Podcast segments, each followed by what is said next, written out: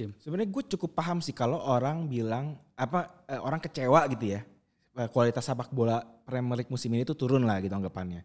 Gue gue cukup paham karena lu bayangin aja lah eh, empat musim terakhir lu disodorin City yang bisa nembus 100 poin, Liverpool yang Ya, ya, bisa ya. sedikdaya itu gitu. Eh, terus sekarang tiba-tiba ngeliat semuanya nggak konsisten gitu. banyak terus Kejutan. kejutan, eh, dengan kondisi-kondisi pemain-pemain yang bisa kapan pun eh, absen dalam waktu yang dalam waktu singkat sebelum pertandingan itu yang memungkinkan bakal banyak eh, kejutan sih. Kalau kalau lo lihat di timeline tuh udah banyak ya awal dari misalnya bulan bulan eh, Oktober sampai September siapa yang eh, dicengin, terus September ke se- November tuh siapa yang Iya, dicengin. gantian, Nah, sekarang tuh kayak gantian gitu. Kalau gue nggak kebayang sih seberapa eh bakal seberapa ngeheknya gitu ya kalau gue jadi supporter Arsenal. Terus dalam dua bulan ke depan gue bisa ada di perebutan titel juara gitu. Wah, gue kata-katain lu semua.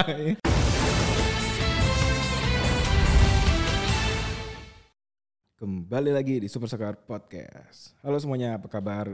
gue harap semuanya dalam kondisi sehat-sehat aja di ha, gue tapping ini di tanggal kelima tahun yang baru ini ya, tahun 2021 sama tahun baru semuanya.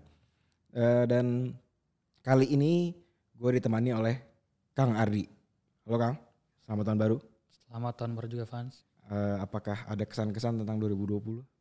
2020 ya kalau dari kehidupan pasti banyak perubahan. Eh, tapi kalau dari segi sepak bola juga banyak perubahan tapi ya justru jadi makin banyak kejutan sih semuanya sepanjang 2020. Maksudnya perubahannya apa tuh? Mungkin maksudnya berubah tim Berubah. idola gitu atau berubah? Enggak maksudnya kalau kalau dari sepak bola tuh kayak banyak berubah situasi yang kita yang asalnya nonton bola ada penonton jadi nggak ada. Terus ada tim-tim yang biasanya bagus jadi ya jadi nggak nggak jadi nggak bagus gitu. Walaupun ada yang dulunya nggak bagus tetap nggak bagus gitu. Tapi ya eh, jadi banyak lebih banyak variasinya lah di musim 2020. Hmm, eh, tapi kalau misalnya dari selama lima hari berjalan gitu tahun yang baru ini, eh, kalau buat gue sih mengembirakan ya. Gitu kan. Maksud gue kayak kita penggemar sepak bola ya. Jadi maksud gue Oh, Manchester kayak United. gitu. Tapi tapi gini, hasil di sepak bola itu kan memberikan kebahagiaan di kehidupan kita sehari-hari Betul, kan, betul. gak? Iya, iya. Lo kalau tim lu menang, lu kerja juga ya relatif lebih ringan lah gitu. Nggak dicengin lah ya seenggaknya. iya, maksudnya lu juga anjir menang gitu karena dia menang gue juga berasa menang kan walaupun ya nggak nggak real real banget lah gitu. Tapi kan itu kan membuat olahraga gitu, terutama bagi kita sepak bola tuh menjadi eh, indah gitu maksudnya. Ya. Dan ya benar kalau buat gue sebagai fans United mah luar biasa nih ketika Menyambut tap- 2021 ketika dengan- tapping ini nih luar biasa nih. Dengan penuh optimis ya. Iya betul sekali. Apalagi makanya hasil semalam itu mengejutkan nggak buat Kang Ari bahwa Liverpool kalah 1-0 dari Soton.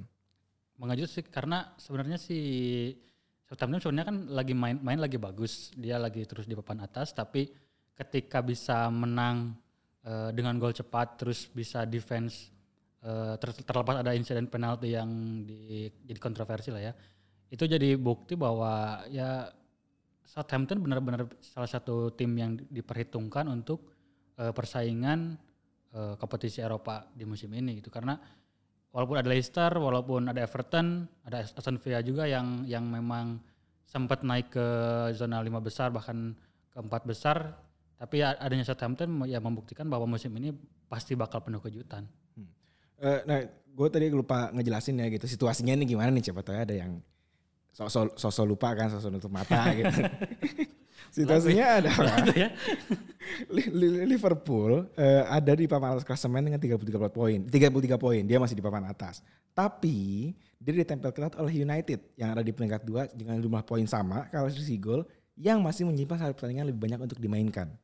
Jadi cukup hasil imbang aja di pertandingan berikutnya maka MU akan naik ke puncak klasemen. Itu situasinya. Nah, eh, sebenarnya Kang, kalau dari laga lawan Southampton kemarin sih, buat gua kalau misalnya gue jadi pengurus Liverpool ya, cara mereka kalah itu yang membuat sangat mengecewakan. Maksud gue, eh, lu kalau bola menit awal yang pastinya sangat mempengaruhi eh, ini ya jalannya pertandingan sampai akhir gitu. Tapi kan lu punya cukup banyak waktu untuk membongkar pertahanan lawan. Dan maksud gue kalau kita melihat Liverpool musim lalu, ini harusnya udah bukan hal yang apa ya, hal yang sulit lah kalau ngeliat dari musim lalu gitu ya. Kalau ini kan sebenarnya kebobolannya dalam tanda kutip lewat bola mati ya. Bukan secara open secara open play nggak eh, bisa dibilang secara keseluruhan selama 90 menit itu nggak ada celah yang benar-benar wah ini Liverpool pertahanan jelek gitu. Apalagi sebenarnya di match kemarin kan yang jadi back tengah itu Fabinho sama Jordan Henderson. Henderson, gitu yang secara secara komposisi itu nggak ideal buat buat Liverpool. Tapi ini juga yang bikin mungkin secara stabilitas tim Henderson yang harusnya ibaratnya sering nerima bola di tengah terus bisa ngalirin ke depan atau misalnya butuh eh, ketika eh, Liverpool yang butuh strategi counter attack atau transisi dari bertahan ke menyerangnya butuh pemain-pemain yang bisa merebut bola di tengah misalnya karena itu biasanya dilakukan oleh Henderson tapi ini nggak terjadi di pertahanan kemarin soal soal ada waktu yang masih banyak sehingga nggak bisa kebobolan untuk untuk untuk sebuah tim yang eh, tidak terlalu offensive minded seperti Southampton ini memang jadi keuntungan ketika mereka bisa unggul cepat terus Ya dia langsung low block kan. iya dia dia langsung langsung Tapi bertahan Maksud gue gini, itu Liverpool bahkan untuk men- men- apa, mencatatkan satu shoot on goal Hmm. butuh sampai menit 75. Nah itu kan sebenarnya ada, ada ada perubahan juga dari eh, kayak Thiago Alcantara baru main juga kan. Itu Thi- Thiago musim ini dia walaupun secara kualitas pemain dia sangat bagus, tapi dengan menit bermain yang sangat sedikit karena sering cedera, kena Covid, itu ya bikin eh, apa ya dari segi eh, kekompakan tim, dari segi stabilitas tim itu pasti bakal terganggu. Ngaruh, ya. Apalagi apalagi itu tadi Jordan Henderson-nya di di belakang, Fabinho di belakang eh, dengan komposisi yang nggak nggak terlalu seperti biasanya lah karena kan selalu ada eh, istilah don't change the winning team. Nah, ketika tim itu tidak memakai the winning teamnya, itu pasti bakal benar-benar diuji dan pasti bakal ada perubahan.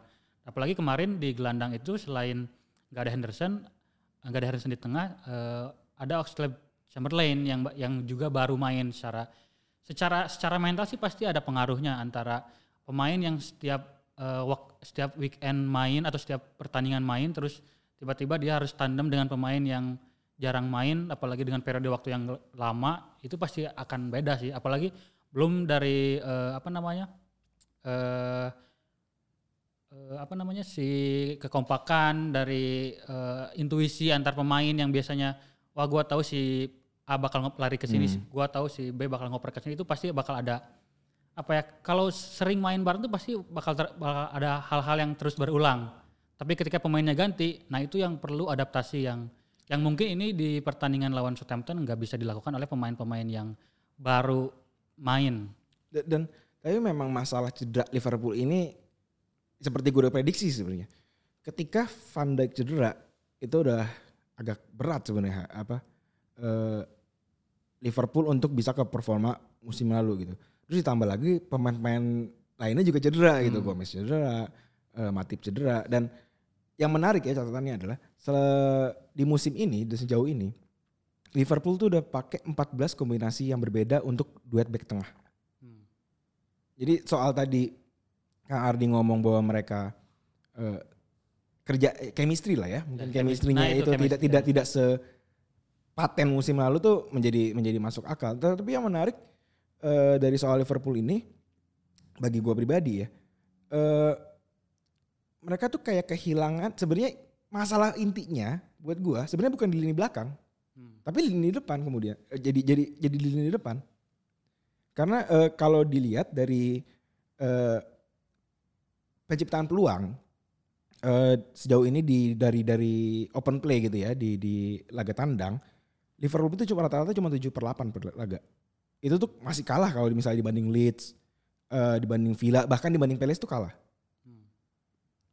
Ada masalah nggak menurut Kang Ardi? di Emang kalau ngomongin defensif eh, Liverpool ketika Van Dijk cedera terus ada perubahan komposisi, memang secara eh, result atau secara eh, end productnya memang tidak terlalu kelihatan kalau misalnya lihat eh, dari kebobolan. Eh, Liverpool ini cuma kebobolan 2-1 dan itu tuh sebenarnya cuma paling sedikit tuh masih ke 6 lah. Masih paling sedikit sedikit ke 6 tapi itu dan dan itu pun agak sedikit anomali karena kebantai Ya, ya. eh, Villa ya. Villa itu mak- makanya secara defensif itu memang bukan masalah utama walaupun banyak pemain cedera di pertahanan apalagi kan sempat kayak Trent Arnold cedera, Robertson juga sempat nggak fit gitu dan ya ke- ketambah komposisi yang berubah-berubah. Tapi dari di, di posisi gelandang sampai ke depan ini mungkin eh, ada ada semacam stigma kalau Mane dan Mohamed Salah main bareng itu bakal kayak mengorbankan satu pemain gitu. Firmino biasanya. Enggak, Bukan di antara di antara dua pemain itu.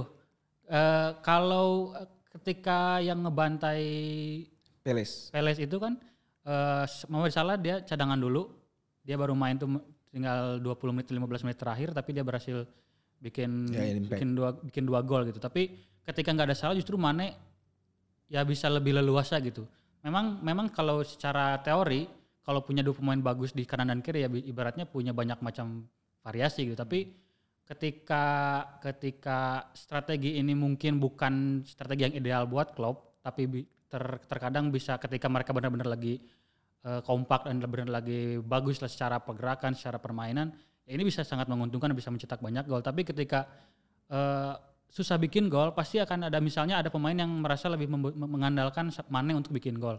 Ada juga yang mengandalkan Salah untuk bikin gol. Ini yang bisa bikin ya secara menyerang itu jadi nggak seimbang. Gue sebenarnya agak cukup terkejut ya dengan performa Liverpool musim ini. Walaupun eh, kita nggak bisa menutup mata sebenarnya sama situasi yang memang extraordinary gitu. Eh, dengan ada corona, jadwal padat, terus ditambah lagi memang kebetulan nih, menurut gue ya Liverpool musim lalu bebas cedera. Ya musim ini nih kena getahnya nih. Sekali kena langsung banyak gitu kan. Dan itu pun sangat mempengaruhi eh, permainan tim secara keutuhannya gitu kan. Eh, tapi penurunan performanya menurut gue sangat drastis sih. Apa sebenarnya eh, justru musim lalu yang Liverpool itu aneh karena dia bisa eh, apa nggak kalah berapa berapa puluh pertandingan tuh gue lupa. Ya, 30 30 30. 30. Heeh. 29 atau 30.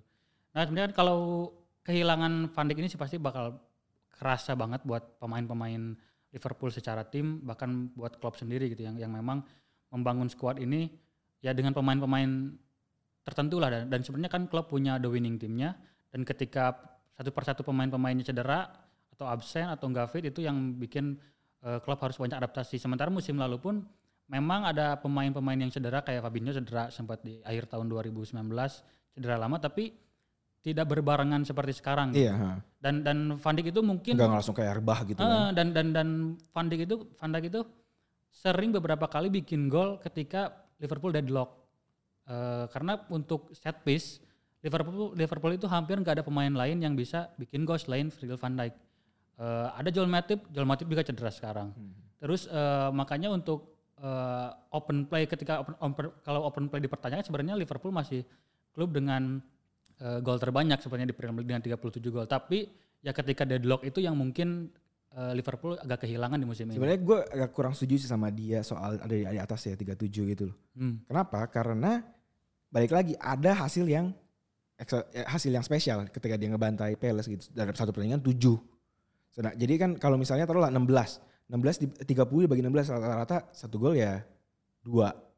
Dua dua gol, dua dua gol kurang lah gitu loh. Jadi menurut gua nggak nggak ini ini banget sih. Dan sebenarnya banyak musim di musim ini tuh banyak tim yang memang benar-benar main eh, apa ya defensif, benar-benar main nggak berusaha berusaha benar-benar main tuh 90 menit main defense terus benar-benar cari peluang lewat eh, set piece, cari peluang lewat serangan balik yang yang dan itu pun dilakukan oleh banyak tim gitu dan eh, ini kerasa juga sama Manchester City yang ya walaupun ada banyak pemain cedera tapi ya bagaimanapun dia pemain-pemainnya sangat bagus. Pemain-pemainnya eh, elit semua dan ketika gak bisa bikin banyak gol ke gawang West Brom, gak bisa bikin banyak gol ke gawang Sheffield itu udah sesuatu keanehan gitu dan ketika itu terjadi juga ke Liverpool, ke eh, Chelsea yang juga secara permainan lebih menyerang, ya ini memang ada se- semacam perubahan tren dari eh, dari musim musim lalu ke musim sekarang. Itu sih yang ada berubah. Menurut gua sebenarnya eh, Mane sih yang yang menjadi eh, kalau soal ngomongin di depan ya, Mane yang menurut gua Liverpool sangat kehilangan Mane yang musim lalu gitu. Ya, ya, ya, ya. Kalau kalau salah kan sebenarnya masih jadi salah satu Eh, dia top tadi score. dia top scorer masih. Ya, salah satu scorer. Memang mana ini mungkin setelah kena covid juga kan, kena Mhm. covid eh, ada kalau musim mungkin secara fitness tuh ada momen di mana dia harus ngejar teman-temannya yang secara reguler terus latihan Mhm. mungkin ya. Tapi tapi ketika dia juga berhasil bikin eh, dua gol ke gawang Crystal Palace tuh yang membuktikan kalau dia mungkin udah mulai top perform. Nah sebenarnya ada ada juga eh, pro- bukan problem sih lebih ke situasi di mana Mane, Salah dan Firmino ini harus beradaptasi dengan Diogo Jota.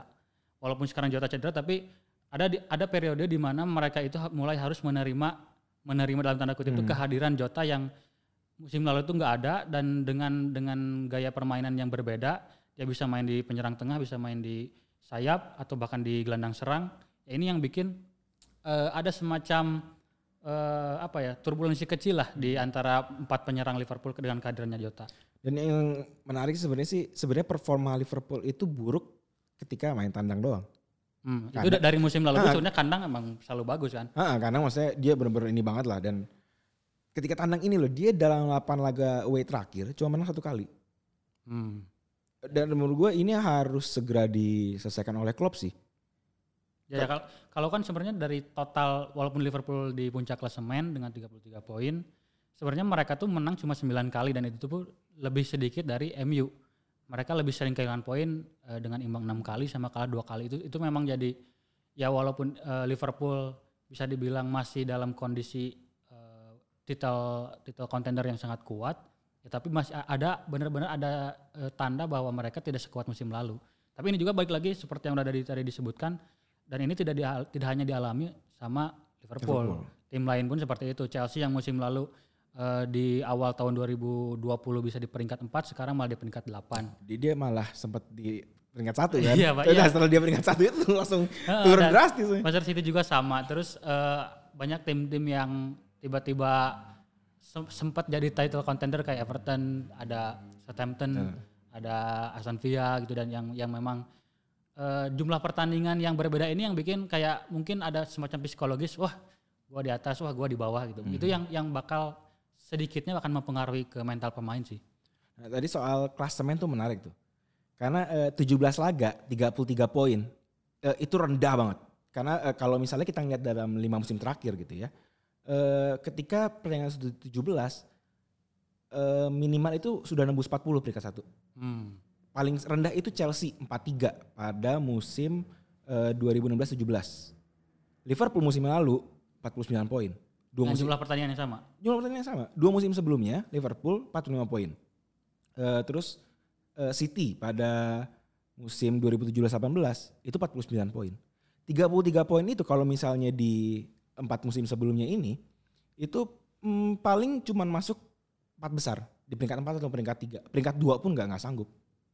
Kalau dari jarak-jarak nah, kan? Nah itu dia. Gue yang gue pengen ngomongnya adalah uh, ini kan sebenarnya gapnya agak ngehe nih ini misalnya Arsenal bisa aja tiba-tiba dalam beberapa waktu ke depan naik ke peringkat eh, keempat besar itu sangat mungkin kan. Hmm. Apakah hasil eh, situasi ini menjadikan Premier League semakin menarik? Karena banyak yang bilang sebenarnya eh, anomali di musim ini itu sebenarnya bikin karena eh, tidak menarik karena sepak bolanya pun tidak menarik. Iya iya iya. Permainannya masih banyak tim yang kalau kita nonton anjir ngebosenin banget mainnya. Hmm, hmm, hmm. Ya karena karena tuntutan kan. Jadi Premier League itu dengan dengan segala kemewahannya, dengan segala tekanan buat para pelatihnya udah udah mungkin udah mulai mendekati uh, sepak bola Italia yang di mana mereka ya udah aja uh, play to win bukan play to entertain entertain gitu sementara se sementara musim-musim sebelumnya masih ada Arsenal yang benar-benar berusaha mengandalkan sepak bola Wenger ball gitu yang walaupun Eh, nggak uh, menghasilkan piala tapi itu berusaha terus dipertahankan gitu. Tapi sekarang dapat kok piala piala peringkat empat. Ya itu tadi makanya kalau kalau lihat kalau ngeliat klasemen nih ya kan kemarin kan pas ketika si apa uh, eh, MU menang lawan aduh kemarin menang lawan siapa? Lawan Villa MU langsung rame kan? Hmm. apa top join top join. Terus di, kalau lo lihat ini uh, apa join joinannya Arsenal itu ya fourth join ya makanya jadi yang mungkin yang kalau misalnya ada anggapan bahwa sepak bola di Premier League sekarang membosankan mungkin itu tadi. Tekanan buat para pelatih untuk mendapatkan hasil yang terbaik itu ya semakin tinggi gitu. Dan dan itu terbukti uh, uh, Slaven Bilic udah dipecat padahal berhasil nahan imbang Manchester City, City ya. itu jadi bukti kalau memang ada tuntutan yang sangat besar buat para pelatih untuk ya kita tuh udah harus ngincar menang siapa pun lawannya bagaimanapun cara mainnya gitu. Dan uh, nyambung ke yang sebelumnya dan pada akhirnya semakin banyak tim yang ya main defensif. Dan itu tadi uh, ketika uh, ada tim yang bisa ketemu secara taktiknya kelemahannya ba uh, banyak atau on point ya bisa kayak Aston Villa ngebantai Liverpool atau Liverpool ngebantai Crystal Palace gitu. Tapi ya ketika semuanya uh, on skenario ya udah itu. Paling gol cuma satu atau ya ya benar-benar tim-tim papan atas pun bakal kesulitan Nah, hampir kalau 90 menurut menit. Kang Ardi, bagi Kang Ardi sendiri ya, klasemen ini menarik atau justru membosankan?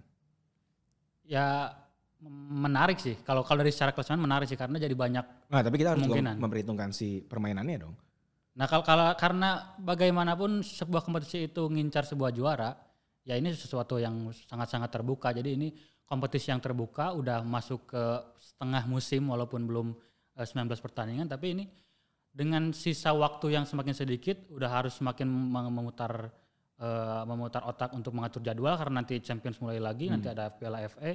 Itu yang bakal semakin terjadi banyak eh, intrik di eh, urutan klasemen sih. Itu yang bakal jadi penentuan-penentuan di eh, urutan klasemen sampai di akhir musim. Sebenarnya gue cukup paham sih kalau orang bilang apa eh, orang kecewa gitu ya eh, kualitas sepak bola Premier League musim ini tuh turun lah gitu anggapannya.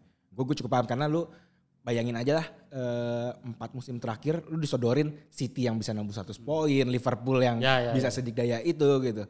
Eh, terus sekarang tiba-tiba ngeliat semuanya nggak konsisten gitu. Jadi menurut gue wajar ketika orang merasa anjir jadi males lah nontonnya gitu kan. Tapi eh, kalau buat gue pribadi, gue gue sepakat bahwa eh, ini nih musim ini bakal sangat ada banyak kejutan. Maksud gue eh, jujur ya, eh, mungkin kalau dilihat dari eh, kayak beberapa bulan terakhir, yang bisa paling percaya diri cuma MU.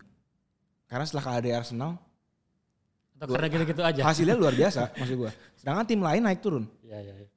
bener kan? Hmm. Nah tapi di saat bersamaan pendukung MU pun juga nggak bisa setenang itu. Kita nggak tahu di apa eh, pertandingan berikutnya hasilnya kayak akan seperti apa. Hmm. Semua tim merasakan kok.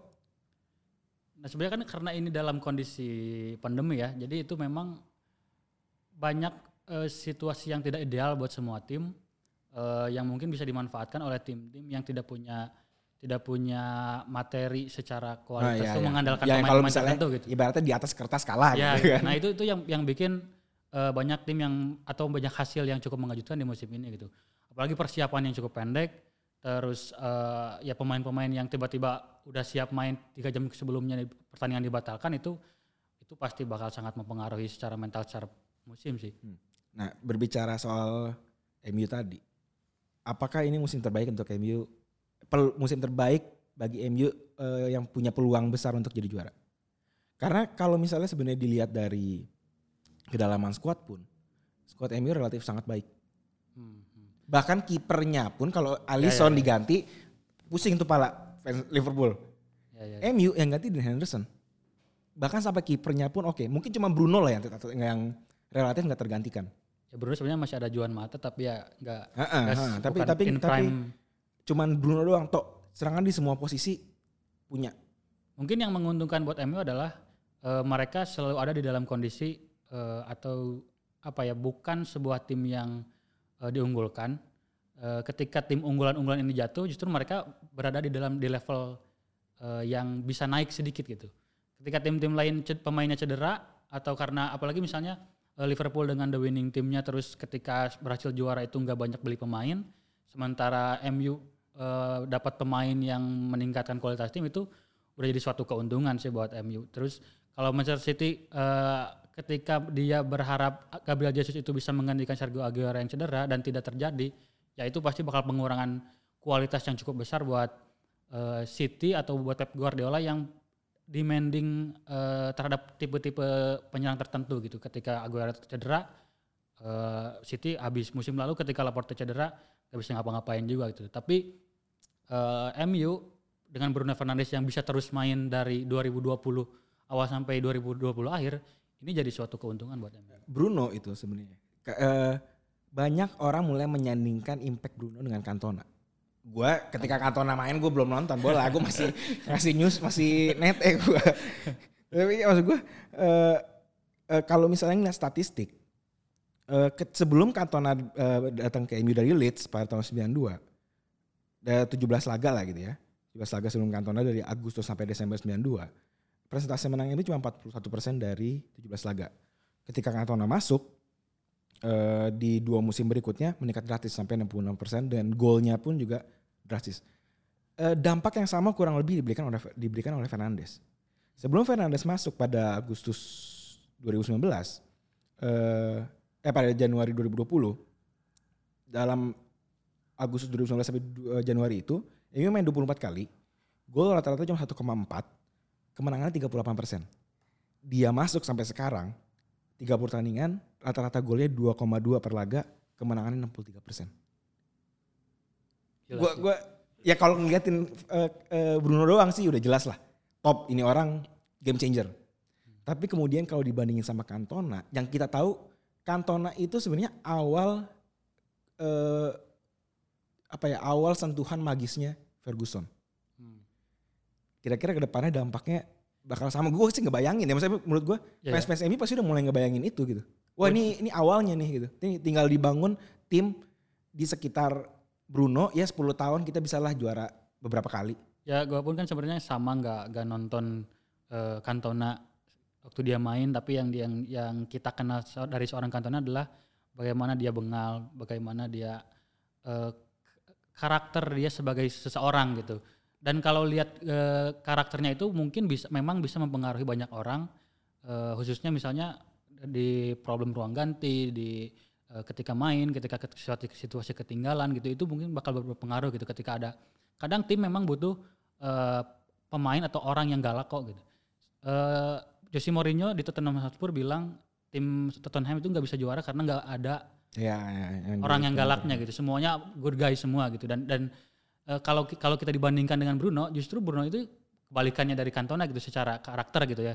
Belum ada eh, aksi atau perilaku eh, Bruno di dalam atau di luar lapangan yang bikin orang tuh apa ya jadi jadi mulai muncul haters hatersnya Ya, lah bukan bukan tipikal pemain bengal lah. Ya, ya.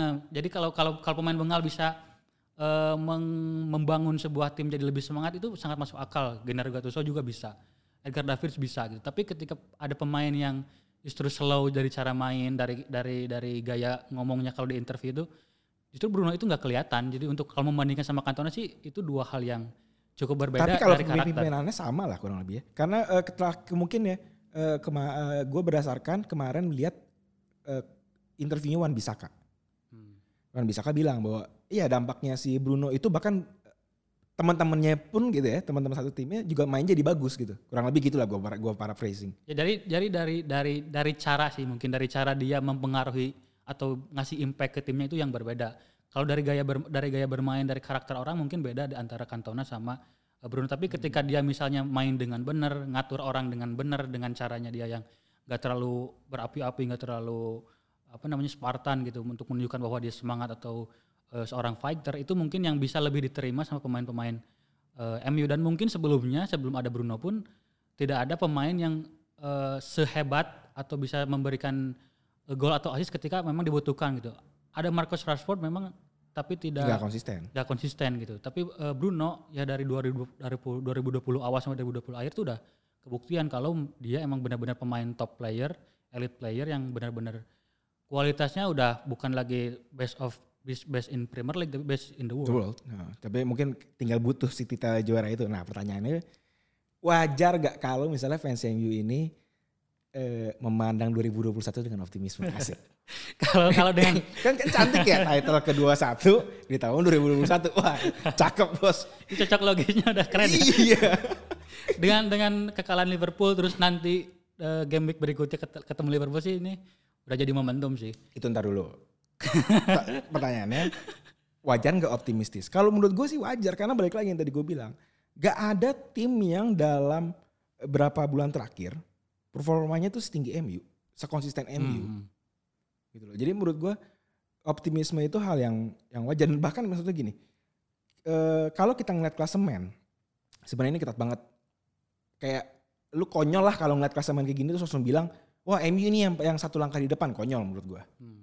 Lu bahkan belum belum di peringkat satu gitu masih kalah di gol. Tapi eh, kemudian sebagai fans MU gitu ya, gue pribadi merasa kalau misalnya kalah di pertandingan ke-17-nya, it's fine. Gue masih sama poinnya sama Liverpool. Hmm. Cuma kalah sisi gol. Kecuali kalahnya nanti sama Liverpool. Nah itu baru bencana gitu ya. Tapi kalau di luar itu, fine gitu. Bukan bukan satu hal, hal besar. Buktinya gue masih tetap tetap menempel atas nih. Dan udah gitu gue juga ngelihat bahwa yang atas ini bisa kepleset. Sedangkan kalau kita ngeliat City, City juga sebenarnya salah satu yang mulai-mulai disebut penantang titel juara kan. Eh, dia masih nyimpan dua pertandingan dan kalau misalnya dia eh, menang dua. menang dua-duanya eh, bisa di peringkat atas juga gitu kan. Tapi menurut gue kalau apa banyak juga yang meragukan City bisa melakukan itu sebenarnya. Karena terbukti dalam beberapa pertandingan dia inkonsisten. Bisa bisa bisa seri lah gitu, mungkin nggak sampai kalah bisa seri. Hal itu yang kemudian membuat kalau misalnya City cuma seri, kan dia nggak naik sampai atas. Sedangkan MU masih tetap di atas. Itu loh yang menurut gue membuat fans MU tuh bahkan semalam tuh ya gue ngelihat setelah si Liverpool eh, kalah banyak akun-akun Twitter fan bukan bukan fan sih apa ya? Ya akun Twitter yang supporter MU gitu yang udah udah udah bikin udah bikin Photoshop anjir. Photoshop Bruno Fernandes ngangkat Premier League anjir. Ini baru pekan ke Ya, tadi kan, 12. ya tadi kan lo juga bahas kalau eh, secara City dengan dengan punya tabungan dua pertandingan terus MU ada satu pertandingan yang ibaratnya kalah pun tetap ada di atas. eh kompetisi masih ada sekitar se- tiga- 21 pertandingan lagi. ini bahkan belum sampai Belum tengah. belum sampai tengahnya. Menurut gua sih kalau pen- pendukung MU mulai optimis wajar, tapi untuk untuk memastikan bahwa ini adalah tahunnya MU belum sih kalau menurut gua. Setidaknya sampai akhir Januari ketika benar-benar eh, tim udah settle dengan skuadnya masing-masing. Karena kan ada winter transfer itu yang bakal jadi momentum buat tim-tim yang sekiranya kayak Manchester City, mungkin Liverpool juga, mungkin MU juga memperbaiki eh, apa yang sudah terjadi selama enam bulan ke belakang atau lima bulan ke belakang karena dengan situasi covid ini pasti mereka butuh banyak pemain. Itu udah udah pasti udah jadi sebuah evaluasi bahwa kita bisa kehilangan pemain inti kita kapan pun. Bahkan beberapa jam sebelum pertandingan. Dan ini bakal membuat winter transfer bakal bisa lebih aktif sih mungkin. Dengan walaupun ya ada ada rumor eh, tim-tim Premier League atau tim-tim di di seluruh dunia nggak punya duit buat melakukan itu. Tapi kalau dengan kekuatan Premier League di seperti sekarang sih kayak kayaknya tetap bakal ada momen di mana pemain-pemain bagus itu bakal datang di winter transfer. Apalagi Chelsea eh, setelah hasilnya seperti ini pasti bakal melakukan sesuatu juga. Eh, Manchester City juga Liverpool apalagi. Dengan eh, setidaknya dia bisa mendatangkan back tengah baru lah. Itu udah cukup bisa bikin mereka lebih nyaman untuk menjalani sisa musim. Kalau misalnya Liverpool datengin back tengah eh, baru gitu ya dan oke gitu mainnya, mungkin oke lah jadi sebagai pelapis gitu kan.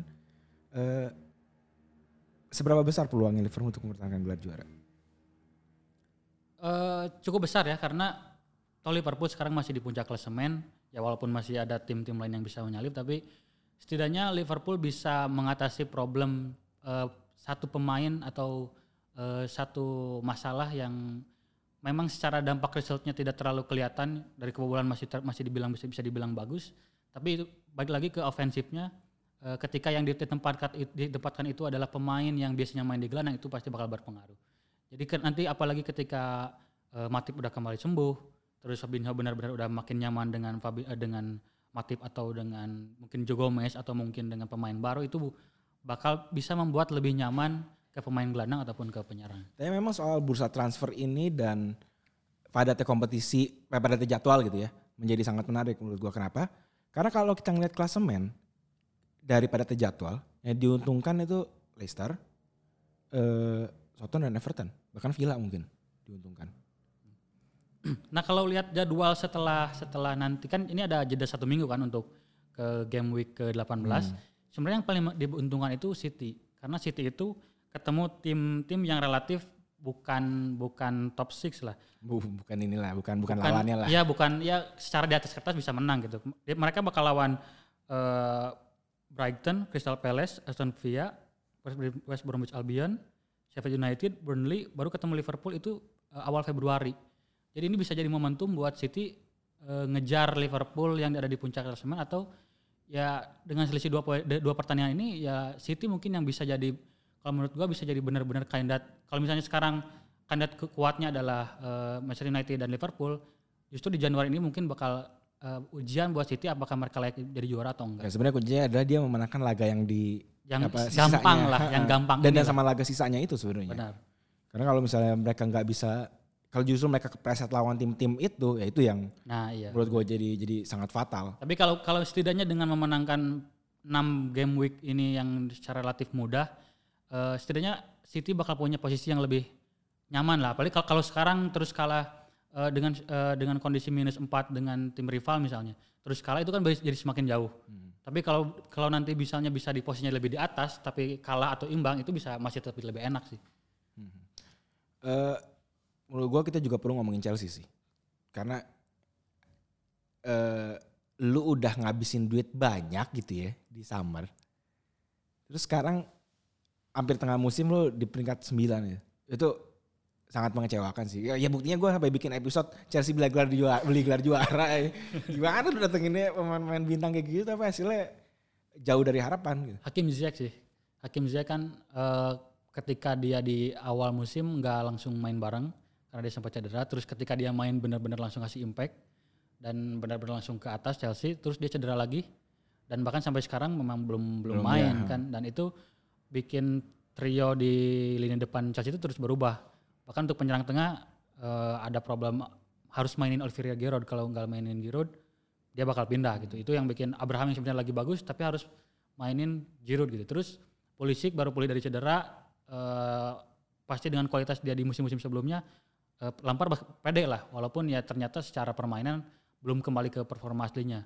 Ya, di, di samping itu ya ada Timo Werner dan Kai Havertz, Kai Havertz yang secara ekspektasi mungkin belum memenuhi tapi ya itu tadi ada kondisi di mana eh, Lampard belum bisa menemukan skuad yang ideal karena itu tadi banyak kondisi-kondisi di mana dia harus eh, bermain dengan tidak dengan skuad terbaiknya. gue Eh, cukup agak sedikit apa ya eh kasihan sih sama Lampard sih. Bukan bukan kasihan dalam artian eh apa karena hasilnya dia kalah gitu gue masih senang senang aja Chelsea kalah kan bukan bukan peduli gitu tapi kita tahu bahwa tim ini punya potensi dan dia butuh waktu pertanyaannya apakah waktu itu akan diberikan oleh Ab- Abramovich kita tahu seberapa kejamnya Abramovich itu dan kalau kita ngeliat statistik eh, poin per laganya Lampard sejauh ini ya 55 laga di Premier League itu terendah di antara semua manajer era Abramovich. Jadi kayak orang-orang ini mulai ngomong ini tinggal nunggu waktu aja nih. Makanya di kandidat terkuat pecat berikutnya kan ya. Iya. Wah, Iya. iya. ya kalau melihat hasil-hasil berapa, berapa beberapa laga terakhir sih sangat ini ya maksudnya lu enam kali tanding menang cuma sekali kalah empat kali itu sih agak kacau ya. Dan kalau lawan tim ini kan lawan tim Big Six itu Chelsea itu hampir nggak pernah menang. Menang, ha. Gue lupa sih dia. Iya, iya nggak pernah nggak pernah. nggak pernah sekali. menang. Lawan Bahkan kalau kalau nggak salah kan yang gue sempat apa top 10 ya. Lawan top 10 kayak nggak pernah. Belum belum pernah musim ini belum pernah menang. Apa cuma menang berapa kali gitu, dikit banget lah pokoknya. itu kan bahkan sampai ada meme-nya kalau dia tuh yang ngasih poin. Oh yang kayak itu itu itu tuh mem apa buat MU tuh sebelumnya tuh. Ya, sebelumnya berapa- buat MU kan. Berapa musim sebelumnya tuh buat MU aja. Sekarang malah jadi eh, ke Chelsea. Tapi itu jadi eh, kondisi bahwa ya jadi pertanda bahwa kondisi Chelsea itu memang secara tim belum settled gitu. Kualitas mereka Iya, dengan pemain-pemain bagus tuh ada ada di mana tuh belum kita belum tahu.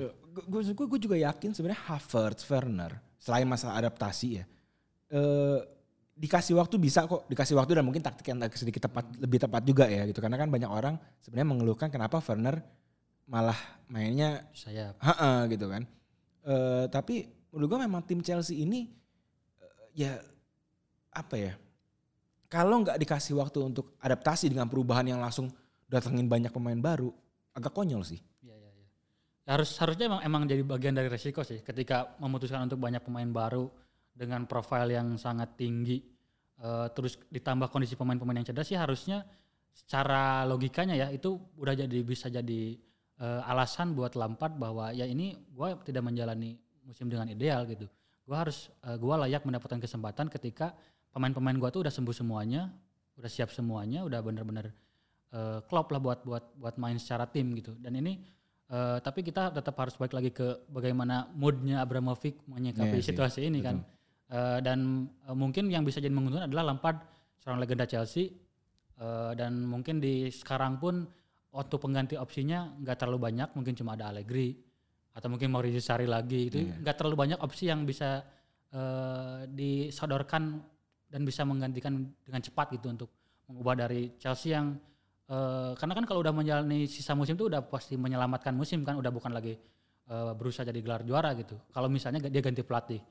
Eh, nah ini yang yang mungkin tidak bisa dilakukan oleh eh, Chelsea ketika mereka mereka harus memecat Lampard.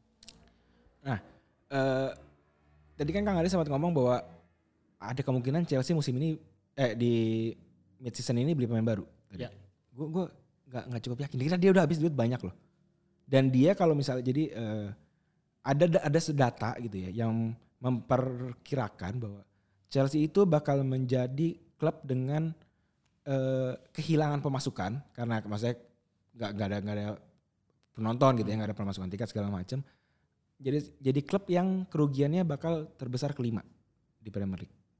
Jadi gue nggak yakin dia bakal berani keluarin duit gede lagi sih untuk eh, transfer ini. Nah makanya mungkin itu eh, solusinya bakal ada di Abramovich eh, tentang bagaimana dia menilai kinerja dari Lampard gitu. Apakah benar eh, kalau misalnya Lampard merasa skuad Chelsea ini eh, banyak yang cedera dan butuh pemain baru mungkin dan dan kalau Abramovich setuju mungkin itu bisa eh, bisa mengeluarkan uang lagi buat transfer karena ya Abramovich kita tahu eh, udah jor-joran dan Chelsea pun menjalani eh, bisa jor-joran musim lalu pun karena sudah melalui dua dua Iya kan yang sempat di band, Di ban itu dan, dan dapat duit dari Hazard. Nah gitu. itu, nah itu makanya Chelsea itu pun secara finansial mungkin masih cukup mampu lah untuk bisa beli pemain walaupun nanti misalnya mengorbankan pemain-pemain yang harus dijual kayak misalnya Emerson, Marcos Alonso, Oh iya sebenarnya banyak yang bisa dibuang ya. ya terus eh, Olivier Giroud bahkan mungkin Jorginho kalau misalnya karena kan secara secara permainan pun atau secara posisi itu udah bentrok sama Kovacic, bentrok sama Kante, bentrok sama eh, Mason Mount bahkan terus kayak Havertz juga bahkan simpen disimpan di situ. Jadi banyak opsi di mana Chelsea bisa melakukan transfer gitu. Entah itu harus menjual pemain dulu atau memang ya udah beli pemain tapi satu tapi memang benar-benar itu yang dibutuhin Lampard untuk setidaknya eh, menambal apa yang kurang di eh, setengah musim pertama. Eh, sebelum kita nutup nih, ada satu tim lagi yang harus diomongin. Arsenal. Se- Sejak terakhir kita take kedua, Arsenal menang tiga kali berturut-turut. Ini apaan aja sih? Aduh, kesel gua. Padahal tuh, kita naik itu, kita berdua sama-sama sepakat Arsenal bakal kalah dari Chelsea. Ini malah dia ngebantai Chelsea itu langsung menang tiga kali berturut-turut. Ada apa ini? Ya jadi mungkin eh, kalau gua kalau lihat dari cara mainnya sebenarnya nggak terlalu banyak berubah. Ya mungkin dari kalau ke- kepercayaan diri sih yang gua lihat yang pemain-pemain Arsenal lebih kayak lebih lepas mainnya. Terus eh, ya lebih percaya diri ketika dia menguasai bola, ketika dia nyerang tuh kayak beda lah beda lah kalau kalian kalian merhatiin Arsenal sebelum sebelum Desember sama menjelang akhir Desember tuh itu beda banget gitu dari dari cara mereka bikin peluang dari cara mereka menyikapi ketika menguasai bola tuh itu beda banget itu terus Lacazette yang mungkin udah mulai semakin nyaman perannya bukan lagi sebagai apa ya bukan sebagai Striker. striker gitu dia dia benar-benar kayak semacam Firmino sih ya udah gua. udah kayak Firmino kayak gelandang serang Tapi impactnya jauh lebih kelihatan. Kenapa? Karena Arsenal tidak punya pemain seperti Salah dan Mane yang stand out. Karena Aubameyang pun sempat Aubameyang, sempat- sempat bahkan absen, sekarang kan. menurut gue juga maksud gue mungkin orang lebih milih eh, Arteta mainin Lacazette dibanding Aubameyang. ya plus pemain-pemain udah kayak Bukayo Saka Iya maksud gue, lu taruh deh Martinelli, Lacazette sama Saka. Itu menurut gue supporter Arsenal pun masih masih berpikiran bahwa ini eh, trio line up eh, trio lini depan yang oke gitu eh, dengan dibandingkan misalnya eh, Martinelli diganti sama Aubameyang. Jadi lebih lebih milih Aubameyang yang diganti dibanding Lacazette sama Saka yang diganti. Nah makanya kalau di episode sebelumnya yang kita bahas tuh persoalan Arsenal adalah kemungkinannya adalah persoalan di ruang ganti, persoalan mentalitas. Nah ketika ada Aubameyang, mungkin justru problemnya ada di Aubameyang mungkin ya. Ketika dia seharusnya jadi pemimpin tapi tidak bisa melakukan apa-apa. Nah, sementara ketika dia nggak ada, justru ada pemain lain mungkin yang bisa step up. Dan itu justru memberikan impact yang justru lebih bagus. Ya ke- karena kita tahu juga eh, sebenarnya kemenangan lawan Chelsea didapatkan tidak terlepas dari keberaniannya Arteta masang siapa ah, si Martinelli sama siapa satu lagi gue Smith. Rowe. Ha-ha, Smith Rowe. Ya kalau kalau lihat line up-nya kan itu udah banyak yang Aja itu kayak gue pas ngeliat, wah ini kayak udah nyerah nih Arteta nih. ya Smith Smith Rowe terus Martinelli kan baru-baru main juga terus kayak Saka, Holding gitu yang pemain-pemain yang ngelawan pemain-pemain dengan harga mahal gitu secara itu tadi balik lagi sebenarnya ini kayak merecap apa yang terjadi di musim ini bahwa sebenarnya masih akan banyak terus Kejutan. kejutan, eh, dengan kondisi-kondisi pemain-pemain yang bisa kapan pun eh, absen dalam waktu yang dalam waktu singkat sebelum pertandingan itu yang memungkinkan bakal banyak eh, kejutan sih. Cuma mungkin satu-satunya kejut eh, satu-satunya yang tidak akan menjadi kejutan lagi adalah Sheffield United sih. itu udah Dua poin dari 17 laga sih agak sakit sih. Dan menurut gue tapi mereka cukup sial sih. Eh, jadwal padat, lu lu nggak punya waktu yang sama seperti di musim-musim normal gitu untuk memperbaiki diri. Ya begini kan udah pasti udah turun terus aja menurut gue. ya itu secara mental tuh ya udah pemainnya udah nggak bisa. Ya lu gimana seminggu bisa tiga kali kalah? Iya.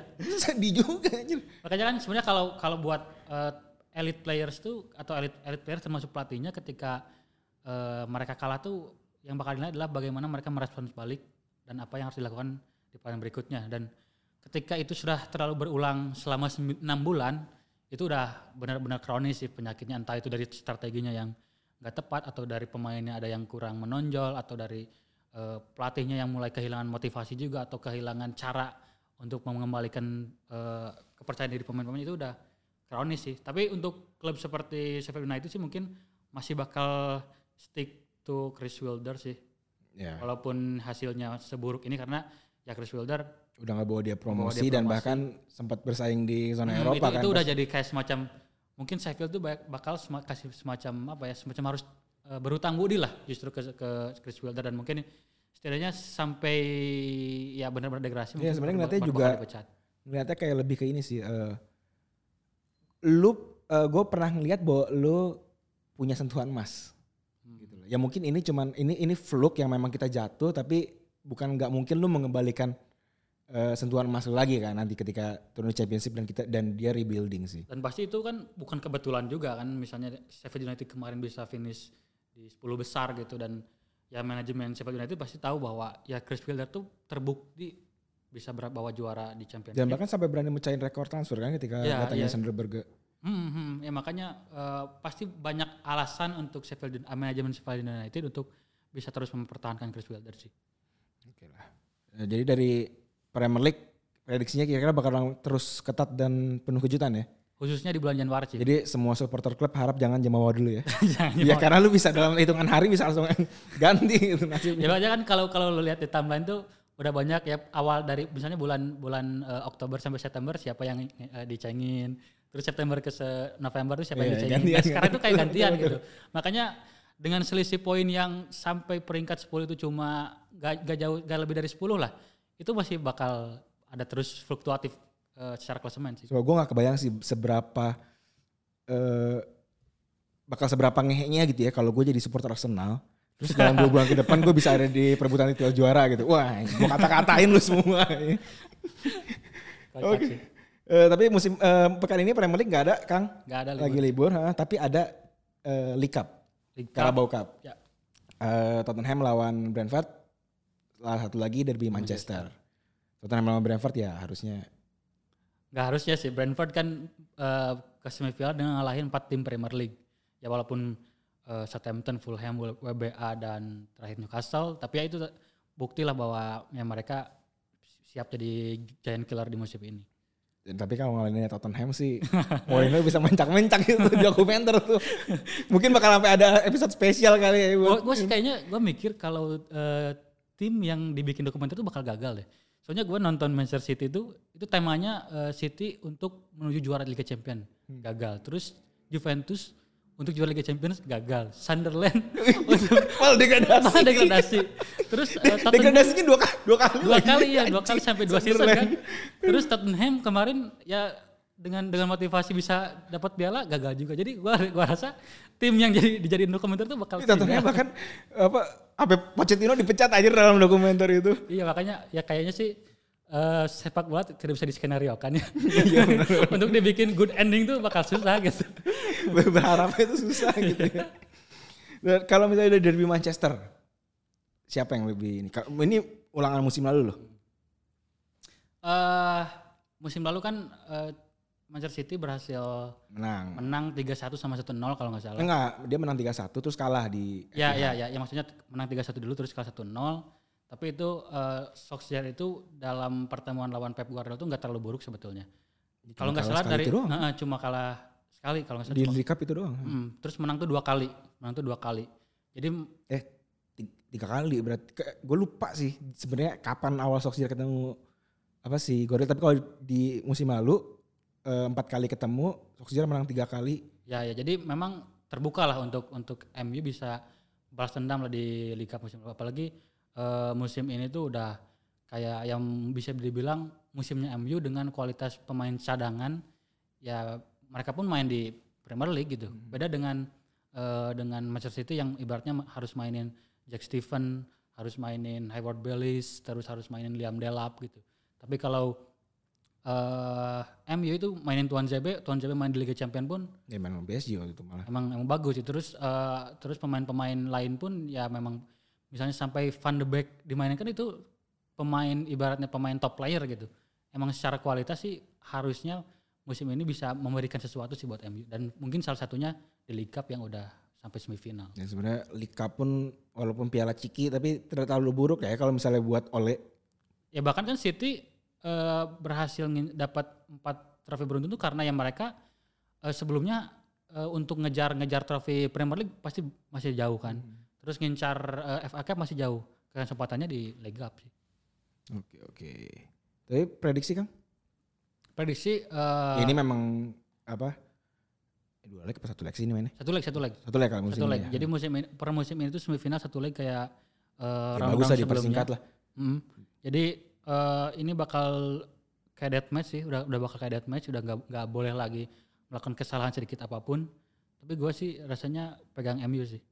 Ya, gue cuma berharap pertandingan nggak sebosan pas 0-0 yang di Old Trafford itu loh. Sebenarnya nggak bosan-bosan banget sih, cuman garing aja gitu rasanya. Nah itu kan yang di di pertandingan di Old Trafford yang 0-0 itu jadi bukti bahwa Solskjaer pun bisa mengimbangi eh, City atau taktik Guardiola ya walaupun hasilnya nggak menang gitu tapi ya secara permainan secara hasil itu sudah cukup membuat bahwa hasil nanti, di pertandingan nanti pun ya bisa siapa pun bisa menang.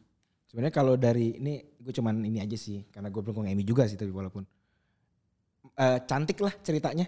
Lo ngalahin Guardiola di semifinal, di final ngalahin Mourinho kan cakep buat Ole. Itu terlalu indah sih kayaknya. Iya, too good to be true. Good, too good to be true. Tapi ya itulah, kita tunggu aja hasilnya nanti eh, Tottenham tuh main mungkin ketika ini udah tayang ya malah. Ya ya ya. Heeh. Tottenham tanggal 6 eh, jam 2.45, Nah, sedangkan MU main Kamis subuh. tanggal 7 2.45.